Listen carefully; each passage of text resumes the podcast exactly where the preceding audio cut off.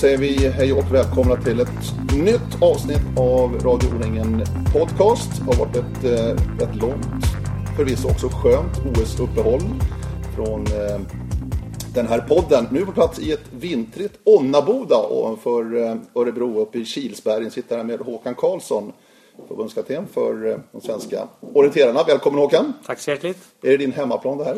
Ja, nästan. Jag har ju en kvart upp hit med bilen så åker lite för lite skidor här men skulle behöva komma upp och träna mer i de här skogarna både på vintern och sommaren. Det skulle faktiskt gå åka skidor idag. Ja, det är lite blött. Ja, lite tungkört ja. kanske. Du, Håkan Karl, jag tänkte börja där faktiskt lite grann. Ja. Håkan Karlsson, förbundskapten för det svenska orienteringslandslaget. Vad, vad, har du för bakgrund? Berätta lite om din väg fram till det här jobbet. Det vore intressant att höra. Okej, okay, ja, orienterar i grunden, börjar orientera och lite lustigt nu eftersom vi sitter här. Min första tävling var här utanför när jag var åtta år. Sprang min första orienteringstävling i Onnaboda. Mamma och pappa släpade med mig. Och sen dess har det varit orientering i princip fram till nu. Jag har eh, tävlat fram till junioråldern och sen efter lumpen så så blev jag ledare istället. Mm. Och så tog jag hand om ett gäng duktiga ungdomar och ja, ungdomar var de på den tiden i min klubb OK Tisan. Och så gick det väldigt bra för de här ungdomarna och vi hade trevligt tillsammans och fick framgångar. Och då ringde kommunen och frågade om jag inte kunde starta ett gymnasium för orientering i Hallsberg. För deras eh, simgymnasium skulle läggas ner och de ville profilera sig mot en annan idrott och hade väl läst i tidningen att det fanns duktiga ledare i klubben och att framgångar. Så då startade vi ett gymnasium där som blev framgångsrikt och fortfarande ett, ett av våra bra gymnasium här i Sverige. Ja, så du är lite pappa till det. Det är Alléskolan det i Hallsberg? Ja, absolut. Jag mm. fick uppdraget, frågan ja. av kommunen om jag ville starta det gymnasiet. Ja, just det. Och sen efter några år där så blev jag tillfrågad att jobba lite med utvecklingsfrågor på deltid på förbundet under Marita Skogum som var förbundskapten då. Så då jobbade jag lite med att 2008 var det här då. Då jobbade jag lite med att skapa de här postgymnasiala elitmiljöerna. Titta på strukturen för att försöka få till någonting eftergymnasialt kombinera elitidrott och studier. Då. Mm. Och samtidigt lite tränarroll mer mot landslagets utvecklingsgrupp som det hette då. Så mer tränarroll. Och sen blev det mer och mer ansvar och ett delat ledarskap med Anneli Östberg då som förbundskapten och sen nu sista åren mer, ja, ännu mer ansvar som landslagschef och förbundskapten. Då. Mm. Så kan man väl säga att resan i korthet har varit. Men du, du, du orienterar dig som barnsben, känns det? Eller? Ja, det måste jag säga. Ja. Definitivt. Ja. Eh, som sagt var OS-uppehåll. Eh, jag var själv borta på OS. Fantastiska framgångar för det svenska längdlandslaget. Vilket mm. gläder kanske dig också. Ja, det, det är kul. Det är en liten systergren. Finns det några, eh, alltså jobbar ni tillsammans? Ses ni någonting egentligen över gränserna? Tänkte orientering längdskidor? Just orientering längdskidor. Vi har ett samarbete som har hållit på några år.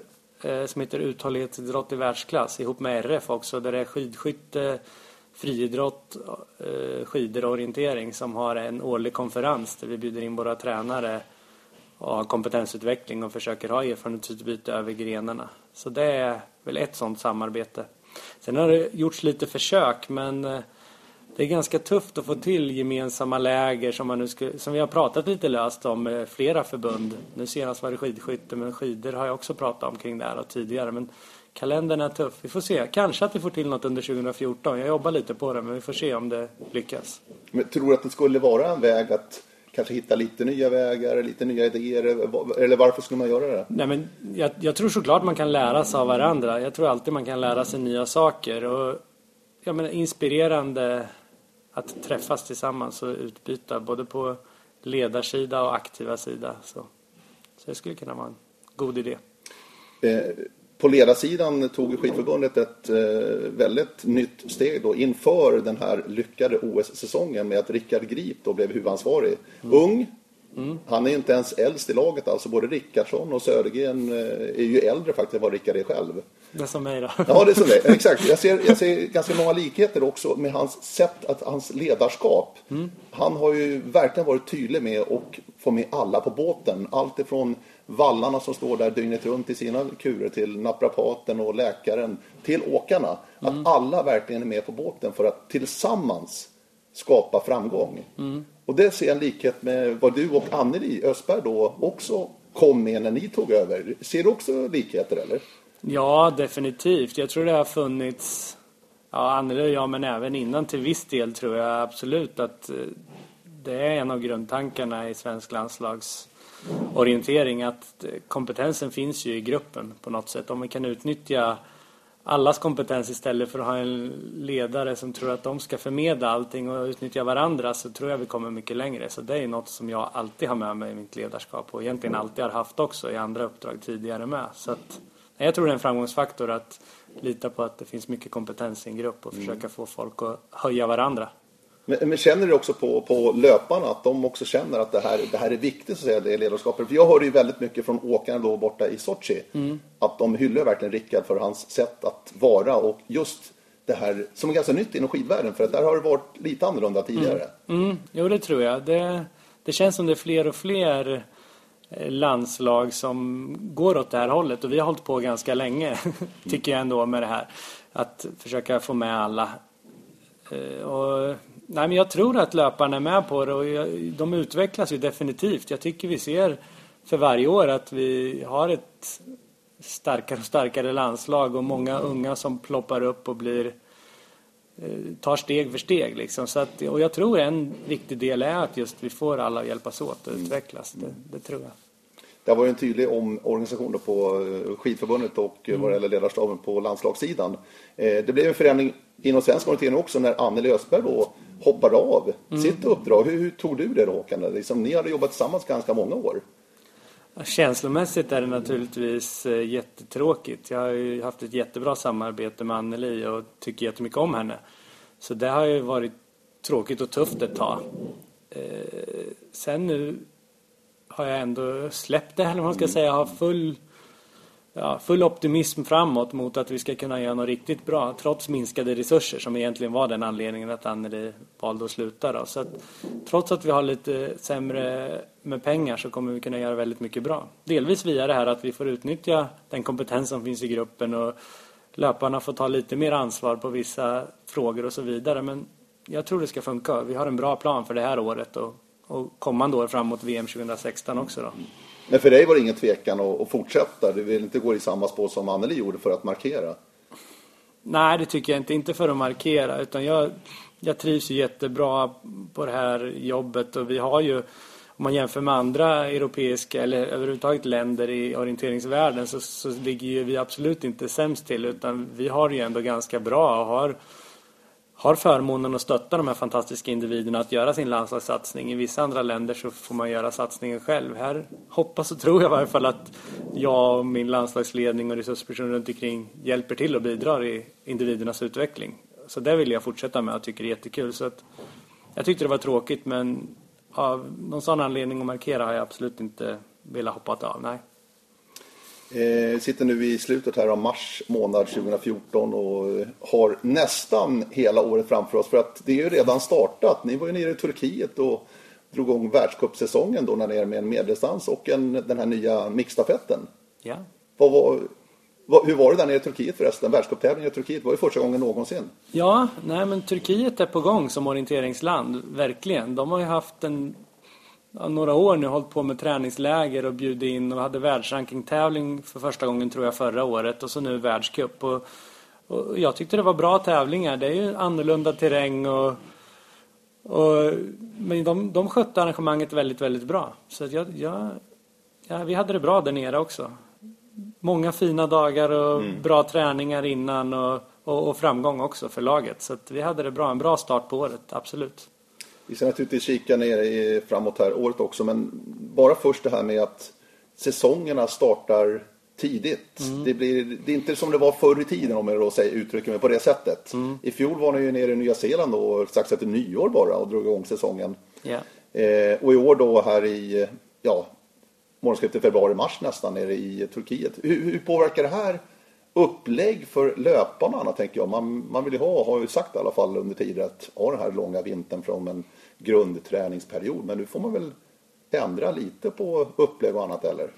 Det är lite olika från löpare till löpare. Vissa tror jag inte ändrar någonting utan man ser de här världscuperna som en del i sin grundträning. Sen är det klart att man inte kör dubbla pass dagen innan en världscup men man gör inte speciellt mycket utan man ser det som en bra träningsvecka nere i Turkiet på barmark och, och så dessutom världscup där man självklart när man står på startlinjen ger allt. Sen för vissa andra löpare de kanske så att säga toppar sig lite mer till de här tidiga världscuperna men det beror på liksom vilken, vilken nivå man håller och vilka steg man har tagit på den här trappstegen upp mot världstoppen tror jag. Mm. Hur, hur viktigt är världscupen då? Om vi ser det för, för, ur löparhorisonten, vad, vad är din känsla? Hur, hur viktigt är det för dina landslagslöpare, de svenska, världscupen i sig? För de bästa löparna så är ju VM huvudmålet, definitivt. Och sen när VM avklarat så är ju fortfarande två delcuper eller deltävlingar på världscupen kvar och då är ju det absolut det viktigaste för dem. Och ur mitt landslagsledarhåll så är det ju VM absolut viktigast också. Och sen har vi ju världscupen och EM som också är viktigt. Mm. Absolut. Och den här säsongen då har vi ett EM i Portugal. Det är inte långt bort. Truppen är redan uttagen. Ja. Och ett VM då i Italien i början av juli månad. Mm. Hur, hur, känns de här, Eh, de här, inte länderna, men alltså de här miljöerna och terrängtyperna och det som väntar. Hur, hur kommer det passa det svenska landslaget tror du? Jag tror det kommer passa oss bra. Vi har ju höjt oss generellt, eh, hela truppen tycker jag. Så att, ja, vi har ju många som kan vara med. Det såg vi inte minst de senaste VM-åren. Vi har många som tar medaljer. Även fast vi har några skadade och borta så tar vi mycket medaljer och många olika personer som tar dem. Så att vi är ju ganska, det vet inte så, eh, vad säger man, inte så eh, farligt om de är borta. Vi kan ändå ta andra som kliver fram. Och jag tror att terrängen, den är väl ingen typisk liksom nordisk terräng som är det som passar oss allra bäst. Men vi, framförallt i VM kommer vi göra väldigt mycket förberedelser och har gjort väldigt mycket förberedelser de senaste åren. Så där ska vi behärska. EM går i Portugal, vilket är en destination som många klubbar och elitmiljöer åker till. Så det är inget konstigt där heller. Och våra löpare är förberedda. Definitivt för det som väntar. Men om du pratar om Italien där och VM i sommar och förberedelser. Mm. Vad lägger du det begreppet då? Vad, vad handlar det om? Många dagar på plats. Det är många dagar. Det är så man räknar alltså? Ja men det är en väldigt viktig framgångsfaktor. Lite beroende på vilken terrängtyp det är som väntar naturligtvis. Och hur speciell den är. Så att när vi i Frankrike till exempel, La Fecla, då var vi ännu mer i terrängen för den var ännu mer speciell. Så att, ja, men det är en, det är en vik, väldigt viktig del i förberedelse och det som också kostar mycket pengar i en landslagsbudget är ju att åka på förberedande läger och också försöka samordna att löparna åker på egna läger och pusha att de är mycket i terrängen. Det är viktigt definitivt framåt Italien. Som sagt, Portugal är lite mer sånt som de är väldigt vana vid mm. från klassiska Spanien och Portugal-läger så det är inga, inga konstigheter. Och det är en distinktion där också att EM är inte lika viktigt heller som ett VM. Så, så är det ju. Ja, definitivt det är ju VM huvudmålet. Men nu när vi är en månad bort så känns det ju väldigt häftigt att det är mästerskap redan. Och det är klart det känns viktigt. Vi ska göra allt nu sista månaden för att komma förberedda dit. Mm. Eh, och ganska många får ju åka med också till Portugal. Mm. och springa. Och det är också, måste vara väldigt värdefullt för de här löparna. Och jag plockade det enda papper jag plockade ut här. Det var ju truppen här till EM då i Portugal som ju, ni var tvungna att ta ut ganska tidigt. Ja, eller tvungna och tvungna. Men, men ni har gjort det? Ja, vi har gjort det i varje fall. Och den är uttagen och den ser jättebra ut. Och precis som du säger så en framgångsfaktor för att vi ska fortsätta vara världens bästa landslag det tror jag är att låta många få chansen att komma ut och tävla internationellt. Den analysen gjorde jag ganska tidigt i jobbet i landslagsledningen att Schweiz var väldigt bra då och deras unga killar hade fått vara med ut och tävlat internationellt väldigt mycket. Och här i Sverige har vi ett så brett utbud. Många som är bra, så det är bara de allra bästa som är garanterade platser. Och det gör att jag tror vi måste försöka ställa upp med breda trupper på och åka på mycket internationellt för att ge folk erfarenheter och kunna matcha de allra bästa orienterarna i världen. För det är ju väldigt intressant när vi ser de här trupperna och framförallt här sidan, om jag börjar med här sidan så är det ju, det är ju verkligen en ny generation nu som är på det internationella planet också. Killar som vi har lärt känna som väldigt duktiga juniorer, många av dem, och som nu tar klivet in det är inte så många av det, ska jag kalla det, gamla gardet som är kvar. Det är Peter Öberg och som du sa också viss Anders Holmberg. Varit med mm. lite grann, men annars är det många nya ansikten vad det gäller seniorer. Ja, absolut. Ett ungt och fräscht och ja. hungrigt landslag. Så det, det är häftigt. Är, är det, det, känns som en bra grupp också, för det här är ju killar som har tampats under många, många år. Alltså från både ungdom och juniorer och upp i seniorsidan. Ja, definitivt. Det är en jättebra grupp. Hela landslagsgruppen och den klimatet som är gör ju att jag tror även de här som är helt nya i de här sammanhangen kommer får det väldigt bra. Laget är väldigt duktiga på att ta hand om varandra och stötta varandra. Som vi var lite inne på förut också. Så att, för det är svårt att ta steget. Vi har ju en då första års senior med. Det är Emil Svensk då som ju mm. tog junior-VM-guld nere i Tjeckien i somras. Ja. Vad, vad, vad, vad ser du i, i, Emil och hans framtid som topporienterare? För att jag tycker han har väldigt mycket, den killen. Ja, definitivt. Och det är ju anledningen att han är uttagen här. Att, han, att jag tror väldigt mycket på honom framåt. Han har redan nu en väldigt, väldigt bra fysik som räcker relativt långt redan nu. Och, och, sen så behöver han ju, just det här som jag sa nyss, han behöver ut och tävla internationellt, få rutin av olika terrängtyper och, och, och, få erfarenhet helt enkelt. Så han kan bli hur bra som helst, det tror jag. För han är uttagen att springa lång också, det tycker jag är väldigt spännande det här med långdistansen. Som, där ju Sverige inte har tagit någon stor medalj egentligen sen av Mattias Karlsson faktiskt i Sverige 2004. Mm. Och pratar VM, mm. långdistans på här sidan. Där är det fortfarande lite sådär. Alltså, där är vi inte riktigt med och kampar om, om medaljerna. Nej, håller du med eller? Ja, jag, håller med. Vi har i och för sig haft femma, sexa, femma va? De på här sidan de ja. senaste. Så det är ju inte jättelångt ifrån pallen de åren. Men, men jag håller med om att vi måste höja oss ytterligare där och jag tror det kommer. Vad är medicinen då? Nej, det är mer träning. Alltså, och då menar jag inte att man ska tokhöja sin träning och träna mycket mer. Utan de här, som du säger, generationsväxlingen, de unga grabbarna här. Vi får ge dem något år till i träning. Eh, det behövs på en lång distans. De är inte så gamla än och de som har som Lundanäs, han är några år äldre och de här som har sprungit riktigt bra på lång distans, de är några år äldre än så länge. Och jag, jag hoppas och tror att några av de här kan slå till redan i år. Mm. Känns det som viktigt för dig också Håkan och landslaget att också få till en framgång på långdistans på här sidan? Definitivt och som vi ganska tydlig markering i truppen nu att vi har ju sex fräscha nya löpare till långdistansfinalen som vi tror väldigt mycket på. Det är ingen som dubblar medeldistans och långdistans utan jag försöker inte specialisera några löpare men jag tycker ändå det är viktigt att pusha folk och satsa på långdistans eller på andra distanser vilket de passar bäst för. Mm. Eh, sprinten har ju varit en stark disciplin för Sverige. Mm. Kommer det fortsätta vara det tror du? Ja det tror jag. Vi har ju fantastiskt duktiga sprintlöpare och vi det verkar passa oss så det tror jag definitivt att det kommer fortsätta. Jag tror vi kommer ha framgång på alla distanser. vi bygger liksom så att 2016 då kommer vi då är vi där fullt ut. Eh, på damsidan har vi ju i Astikuttakning, vi har ju två riktiga spetslöpare i Tove och Helena Alexandersson och Jansson. Mm. Lena har ju visat ja, Absolut, men jag, jag säger mm. vad det gäller mm. stabilitet verkligen. Alltså, okay, så, ja. så är det ju mm. Tove och Helena som jag ser. Helena Jansson, ja. tillbaka nu efter eh, hennes fotbekymmer då under de senaste åren skulle jag nästan säga, operation i mm. fjol. Mm. Hur, hur känns Helena? Vi såg redan nu i världscupen i Turkiet att hon, hon är ju verkligen tillbaka. Ja, hon har ju varit fantastiskt duktig och disciplinerad i sin rehab nu. Och verkligen gjort det bästa varje dag. Så att det känns ju skitkul att hon får vara med nu och tävla. Och att det gick så bra i Turkiet, hon var ju överraskad själv och jag kan väl säga att till viss del jag också. Mm. Men hon har ju en väldig kapacitet att springa rätt och springa bäst och ta ut sig när det gäller. Och det, det tror jag vi kommer få se nu, både i Spanien och på EM också. Sen får vi se hur långt det räcker, men äh, det är jättekul att hon är tillbaka. Och, och huvudmålet för henne är ju VM i år, så det gäller ju att ha med sig det också, att det är det som är huvudfokus. Hon, hon springer bara en distans nu individuellt på EM också för att ha en lagom upptrappning.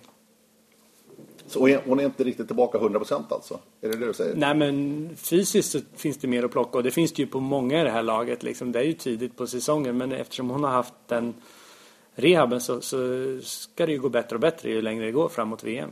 Det tror jag, absolut.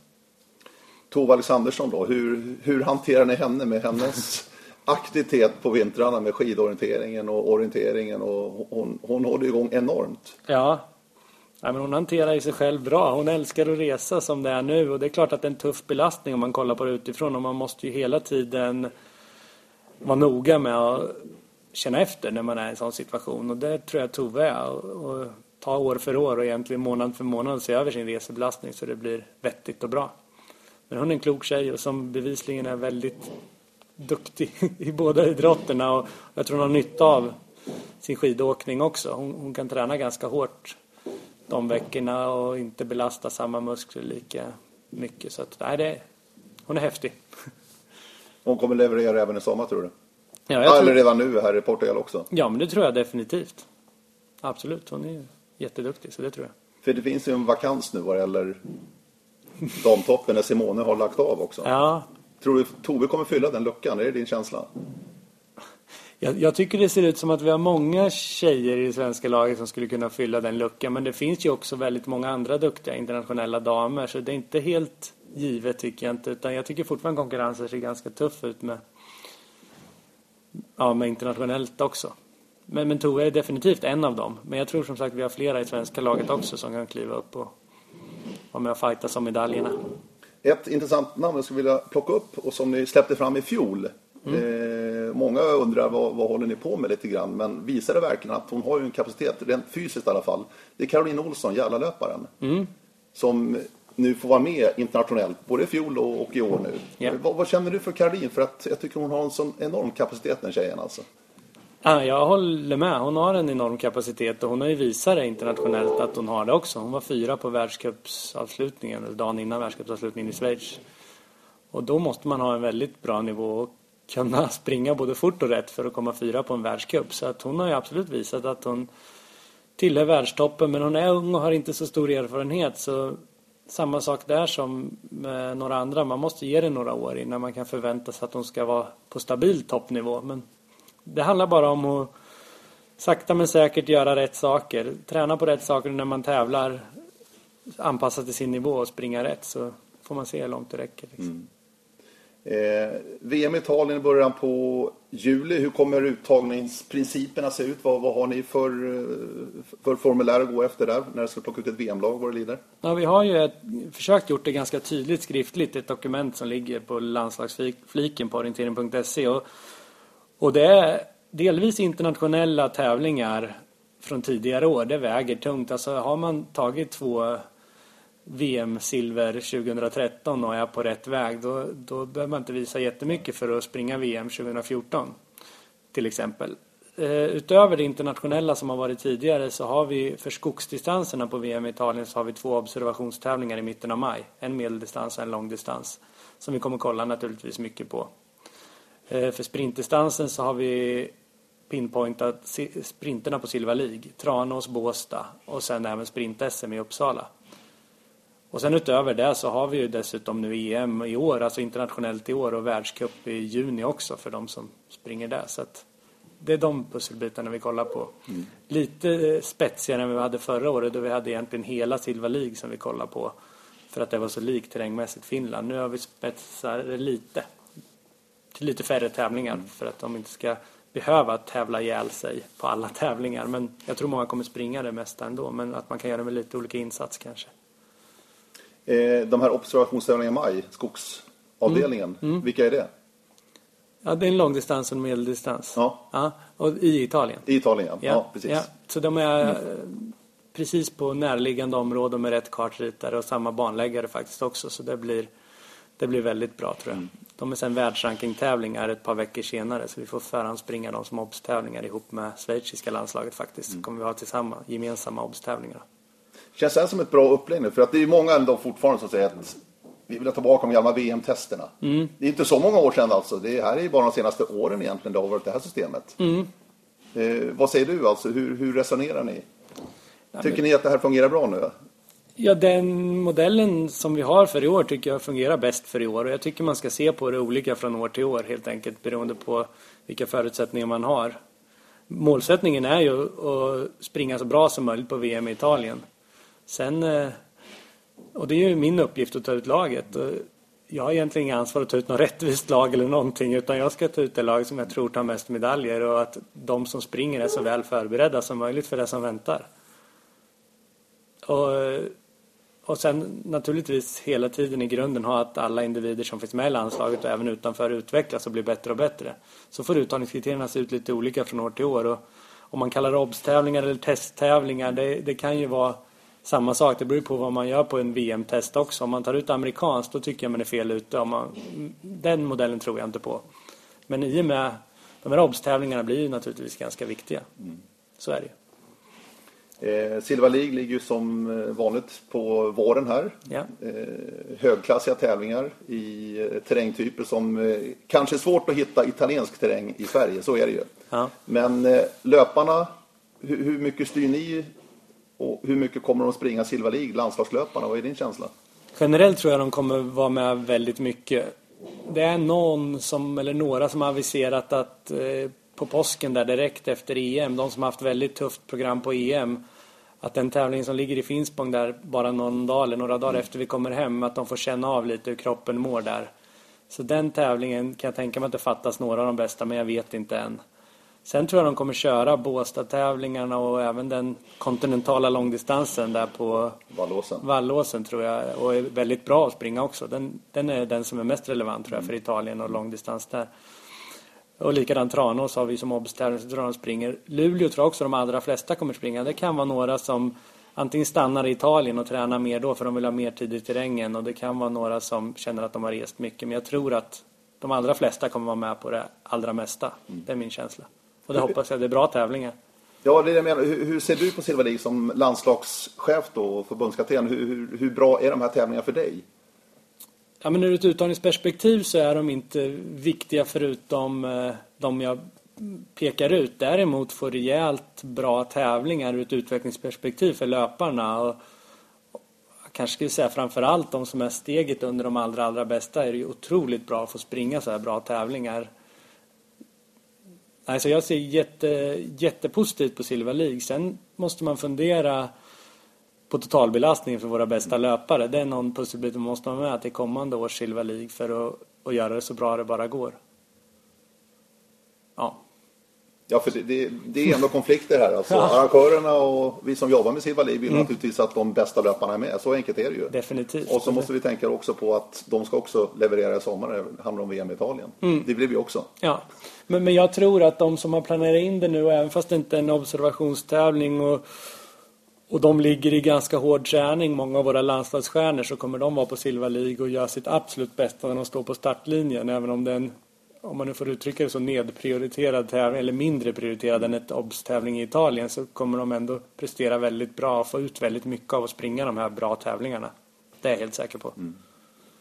Eh, O-ringen, det är ändå Radio O-ringen podcast det här. Ja, Eh, vad det gäller landslagslöpare och O-ringen.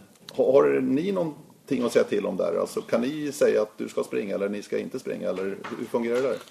Nej, förra året hade vi avtal att de skulle springa O-ringen, de som kom med i VM-truppen.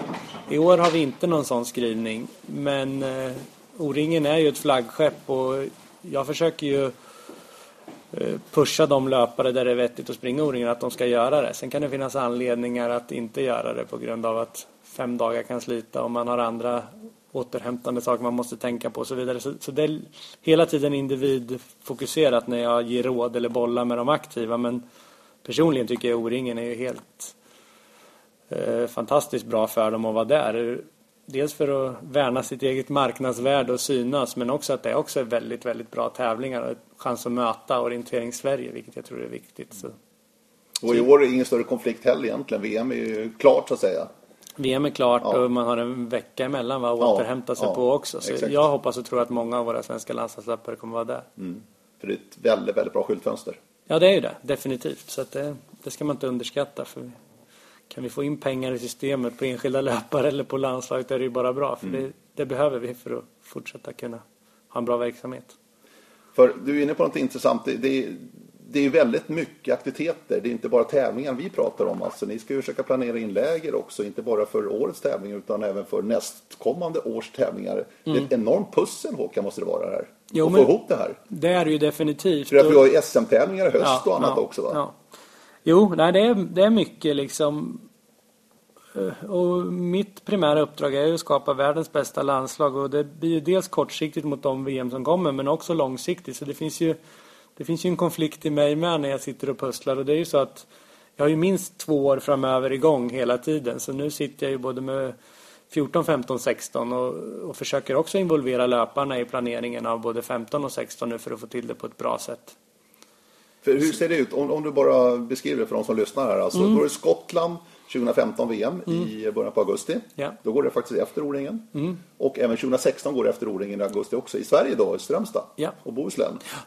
Hur, hur ser det ut vad det gäller de mästerskapen i år, 2014? Om du bara liksom ger en bild av den planeringen vad, vad gäller långsiktigheten. Ja, nej, men VM i Sverige är ju väldigt speciellt för oss 2016 och där har vi börjat redan för två år sedan och åkt på första lägret och vi kommer ju intensifiera det, åka på mer och mer läger och, och öppna aktiviteter där nere och när vi närmar oss ännu mer så kommer vi ju Eh, troligen ha liksom träningar på plats hela tiden där för svenska löpare och kan åka ner och, och springa på. Så att mycket läger. Men likadant eh, i Skottland har vi varit redan flera gånger, några av löparna. Och vi kommer åka på läger till Skottland med landslaget en gång under det här året. Och ett officiellt läger som vi puffar lite för direkt efter 25-arna där vi inte har någon finansierad eller gemensam resa med landslaget men som ändå finns med i vårt program. Så, så två läger kan man säga finns inplanerade ändå till Skottland redan i år, 2014 och sen två gånger till i, innan pre-camp och VM nästa år. Då. Så att, ja, men som sagt, dagarna på plats är det som är avgörande. En av de viktiga sakerna, absolut.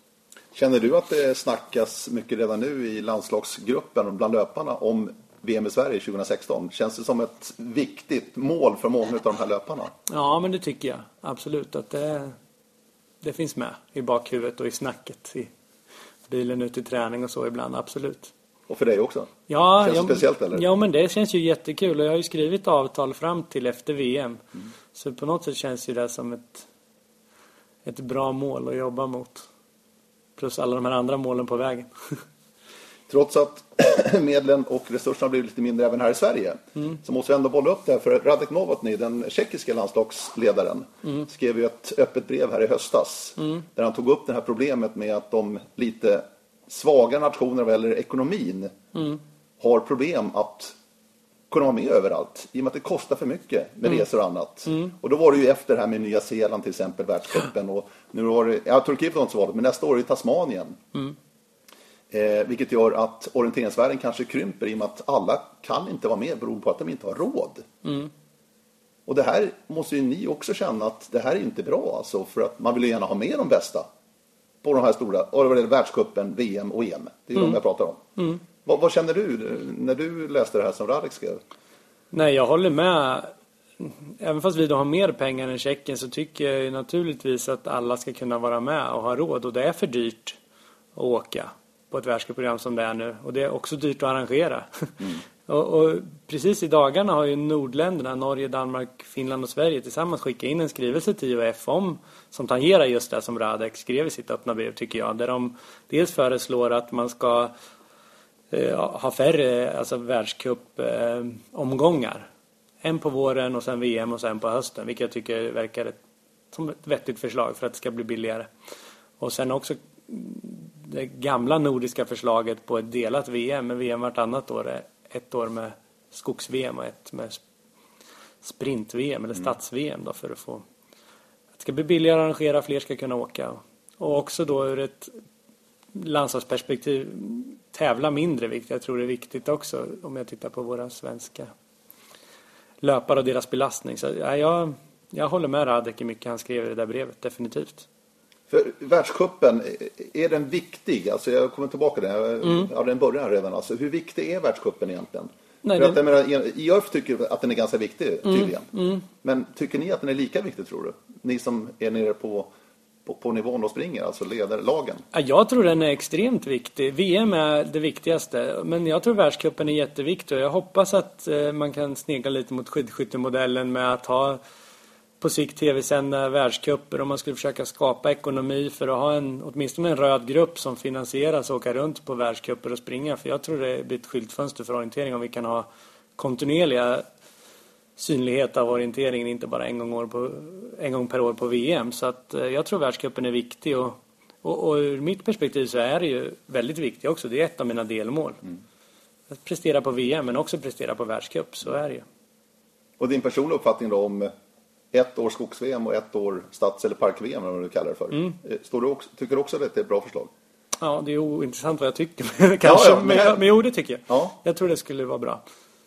Ja, jag är också en ivrig förespråkare för det. För att det är många som säger att du måste dra ner till varannat år VM. Mm. Men då kan det här vara en bra, ja, det... bra, bra, väg att gå. För att dessutom park, stads, VM-året hitta lite nya destinationer också. Kanske Ja. hitta lite nya orienteringsmarknader. Ja, jag, jag håller helt med om de argumenten som har tagits upp kring det. det så jag håller verkligen med.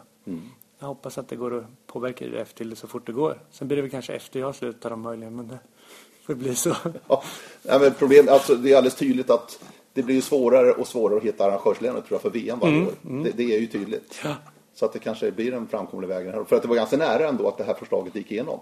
Ja, jag förstod det som att det var väldigt senast. nära. Ja.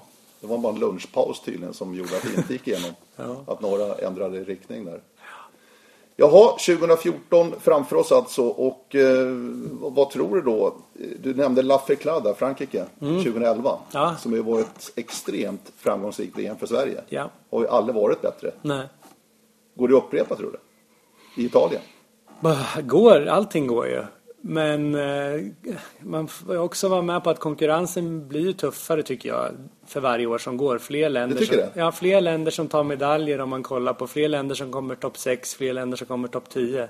RF har lite statistik på det där som jag får. Mm. Så att det blir många länder som är med och fightas om det. Men jag tror absolut det kan vara möjligt att göra ett riktigt, riktigt bra VM i Italien. Vi kommer att vara väl förberedda. Vi har ju fantastiskt många duktiga och hungriga löpare. Sen vad det genererar i medaljer, det, det får man ju se helt enkelt. Vi, vi ska ju jobba mot att alla löpare ska göra så bra prestationer det går och sen, sen får vi se vad det räcker till.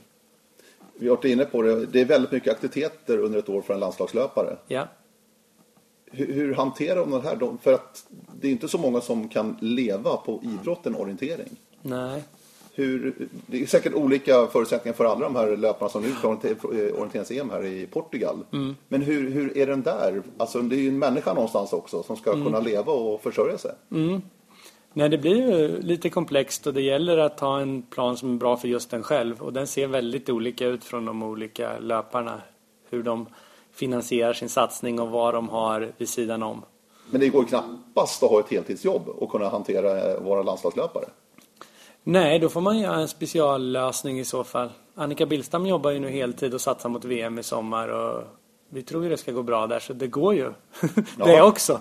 Och allt ifrån sådana som inte jobbar alls. Så vi har ju hela spannet. Men det är ju väldigt få som jobbar mer än halvtid, 60 procent. Så, så är det ju. Och speciellt om man då ska delta på mycket av det som erbjuds i landslagsprogrammet. Så är det ju. Men är det någonting som tar mycket av din tid också och se till att de liksom fixar sin, sitt, sitt, sitt liv alltså? Nej men det är såklart att det är en väldigt viktig pusselbit och jag kan bolla upp de frågorna och försöka stötta med, dem, med den kompetens och de kontaktnät och den eventuella ekonomi som går Jag försöker naturligtvis stötta helhetssatsning. Jag tror ju det är så man måste jobba och min roll blir ju mycket att, att titta på helheten för varje löpare och se var utvecklingspotentialerna finns och vart utmaningarna finns så man kan hjälpa till att stötta och lösa. Eh, vi ska avsluta alldeles strax. Jag måste bara ta den här med mixstafetten avslutningsvis Ja. som vi var premiär för nere i eh, Turkiet, Ja. Antalya. Vad, vad var din känsla? Hur, hur fungerar det? Hur var det tycker du? Jag tyckte det var eh, spännande. Jag stod ju i karantänsområdet så på fel sida storbildsskärmen så jag såg ju inte den. Men jag pratade med en del i publiken som tyckte det var väldigt uppskattat och spännande. Eh, och ur mitt perspektiv så ja, de arrangerade den tävlingen också bra. Det var ett ganska lätt område tekniskt och jag tror att det skulle kunna bli ännu roligare för löparna om det var ett ännu mer tekniskt sprintområde. Men som koncept så funkar det väl helt okej och var, var bra tycker jag. Ska du dra konceptet bara för de som inte är riktigt insatta? Hur, hur, hur, hur liksom var tävlingen? Ja, det är ju fyra sträckor. Om två herrar och två damer i, i varje lag. Så först springer en dam första och sen en herre andra och en herre tredje och en dam sista sträckan. Och så är det sprintbana ungefär 15 minuter och, och gafflade banor då så att man har olika och kan inte bara följa efter varandra. Och, och tanken är att det ska vara hög fart och i skrivningen om det står att det ska vara ganska lätt orientering också då. Så att hög fart och tajt och spännande. Så. Och det verkar ju passa oss bra. Det gick ju bra för Ja, sven- svenska bra. lagen. Alla, Ja. alla tre egentligen. Och touchfree stämpling funkar också. Ja, det gjorde det. Ja, men ur det perspektivet var det inga konstigheter alls tycker jag. Och det där kan bli en... Den kommer ju på program- programmet nu i sommar på Mm. VM. Eh, och då är det samma. Det är ju det de har bestämt att de ska köra så. Dam, herre, herre, dam. Mm. Även på VM. Ja. Eh, Det är alltså inte som en eh, som sprintstafetter på skidor där man åker tre sträckor var liksom, utan här springer man en varsin sträcka. Mm, och att det är mixat mellan könen också, Ja. vilket inte är på skidor heller. Ja, så den, är ju, den skiljer sig ju absolut. Ja. Och många lag, kan, kan det bli fler lag på mixstafetten än i den vanliga stafetten i VM i sommar? Ja, kanske. Där på världscupsprintstafetten nu får vi ha tre lag som räknas per land. På VM får vi bara ett lag, så det blir ändå färre lag än vad det har varit på världscupen nu. Men, men det borde väl vara så att av de här utvecklingsländerna i orientering att de har lättare att hitta runt en, en eh, mixstafett i stan än en väldigt svår, så jag tror stafetten kommer bli rejält tekniskt utmanande uppe i ovanför Asiago där. Så att det, ja, det kan nog bli minst lika många lag på sprintstafetten som på stafetten, det tror jag. Men det var inte känslan att det var mer en löpartävling än en orienteringstävling? Där nere i Turkiet? Jag sprang ju inte själv. Visst, det var tätt och så, men det var ändå, tycker jag, de bästa sprintlöparna som var bäst även här, tror jag. Så att, jag vet inte. Det är klart det blir löpbetonat och det är ju syftet med den. Och Jag har inte sett några bilder, jag har bara sett trackingen från Ja, det. Och sen ja. på första sträckan så är det ju som en, som en stor boll bara. Det är liksom Ja, ja, väldigt många lag. Och sen spreds ut sig lite grann då. Så att, eh, nej, vi får se vad de hittar på nu. Nästa gång är ju i Finland precis innan Jukkolakaven så finns det ju en chans till för oss att genrepa inför VM i Trento där det går där. Och det, ja, jag hoppas att de har klurat till det lite mer och då kan det bli riktigt spännande och bra. Jag tror vi har en bra chans på just den distansen på VM. Eller på alla distanser på VM. Men den tror jag också vi har bra chans. Den nya distansen. Det ska bli väldigt spännande. Men till att börja med är det Portugal. Får jag åka hem och packa Mm. Spanien snart. först. Ja, Spanien först. Ja, det är världscupen. Just det. veckan innan. 4-5 april där ja. Just det, det är världscupen där också i Spanien. Och sen är det EM. Men då stannar ni kvar där nere. Ja, så blir det så man flyger från Alicante till Lissabon. Mm. Spännande. Och ett eh, härligt år vi har framför oss. Ja, verkligen. Det ser riktigt kul ut. Ja, det ska bli väldigt spännande. Du, tack Håkan Karlsson. Tack så hjärtligt. Radio O-ringen Podcast. Ni eh, hör av er som vanligt på radio, snabel så hörs vi framöver. Tack för idag. Hej.